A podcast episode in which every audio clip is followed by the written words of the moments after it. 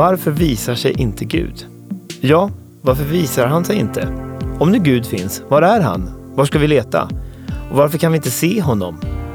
Detta är vanliga frågor som många människor ställer sig. Om nu Gud existerar, varför kan han inte bara visa sig? Så är ju frågan löst. Ett annat vanligt påstående är att jag tror bara det jag kan se och ta på. Människor kan inte förstå i ett sekulariserat samhälle att det finns en existens som är utanför det vi kan se och kan ta på, även fast det finns mycket sånt som vi observerar som inte är av den karaktären. Ja, finns då Gud eller finns det bara det som är synligt och påtagligt, det som är materiellt? För mig som person när har mött honom som min skapare så är det självklart att han finns och tar hand om mig. Men hur ska jag kunna bevisa Guds existens? Om jag eller någon annan kunde det skulle vi knappast ha så många som inte tror. Men vi gör ett försök. Guds skapelse. När vi ser på en tavla tänker vi på en konstnär. När vi ser en byggnad tänker vi på en arkitekt. En bil kräver en tillverkare, en altan en snickare, en kruka sin drejmakare. Så varför går inte då tankarna till en skapare när vi ser det på det mest komplexa av alla saker som finns? Guds egen skapelse, universum och jorden. Orsakerna kan variera, men en säker anledning stavas evolutionsteorin.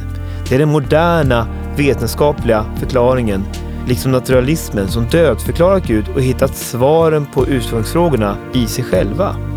Eller? Nej, långt därifrån faktiskt. Vetenskapen har bara vaga teorier och svar gällande vårt ursprung.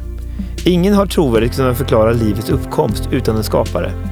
Sannolikt för att det är så nära noll att det behövs fler decimaler än det finns papper i min skrivare. En matematiker roade sig en gång med att räkna på sannolikheten att ens det enklaste proteinet skulle kunna bildas spontant, det som utgör byggstenar i, i de levande cellerna. Det ligger på 80 aminokedjor.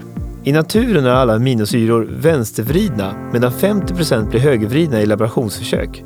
För att en aminokedja ska kunna kopplas till nästa och till slut bilda ett färdigt protein behövs det sättas ihop i rätt sekvens med vänstervridna aminosyror. Så om slumpen ska ordna det behövs att du singlas land 80 gånger i rad och får klaver varje gång. Hur ofta händer det? Ja, matematikern gav evolutionen gynnsamma förutsättningar och lät slantsinglingen ske tusen gånger i sekunden. Med den farten borde det kunna hinna hända något på några gånger. Svaret inte en enda gång på de 14,5 miljarder år som vetenskapen påstår att universum existerat. Och dessutom räcker inte all känd materia till heller. Matematiken talar sitt tydliga språk. Det kan inte bara ha hänt av sig självt. Det är därför vi har den här teorin om multipla universum. Att det finns många universum som ser ut på exakt samma sätt. Och på något ställe så råkar slumpen vara så bra ställd så att det här som uppkommit av sig självt kan uppkomma och därför finns vi. Ett slags cirkelresonemang. Det finns fler punkter där evolutionen kan svara på är exempelvis vad finns innan Big Bang? Och vad startade Big Bang? Hur kunde allting uppstå från ingenting som nu är till? Allt vi ser i skapelsen verkar in i minsta detalj designat och uttänkt. Då borde det finnas en designer. Från en explosion kommer bara kaos och oordning hur lång tid man än låter den här explosionen verka ut.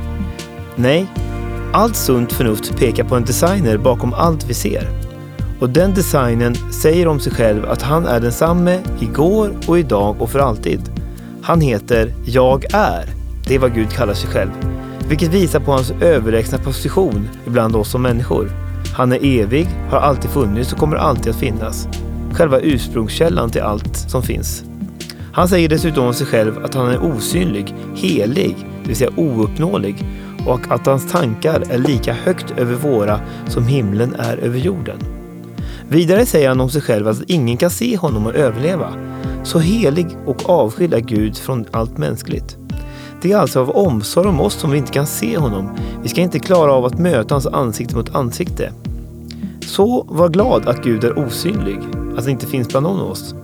Men, säger du, hur kan jag då få kontakt med en Gud som är osynlig och ouppnåeligt helig? Faktum är att en Gud som skapat inte bara denna jord utan också dig och mig har gjort allting klart för att träffa honom. Vart då? Hur då? Jo, genom sin enda son Jesus Kristus som kom till jorden för att återupprätta det som en gång gick förlorat. Gud blev människa personifierad. Du förstår, för länge sedan kunde vi inte se Gud, tala med honom, gå med honom lika enkelt och naturligt som du umgås med dina vänner eller med dina syskon. Men någonting hände som förstörde denna fantastiska gemenskap. Vi människor valde att gå vår egen väg och lämna Gud och förneka honom. När du och jag gjorde det så förlorade vi vår kontakt med honom och våra ögon förblindades så att vi inte ser honom med våra fysiska ögon eller hör honom med våra kroppsliga öron. Detta glapp eller avstånd till Gud är vår synd och det står emellan oss och Gud. Jesus kom för att hela den gemenskapen genom att ta straffet för oss i ställföreträdande i vårt ställe för allt det fel och alla de brister vi har. Så genom Jesus Kristus kan du se Gud med dina inre ögon och höra honom med dina andliga öron. Och du kan börja be till honom och förvänta dig att han ska svara på dina böner.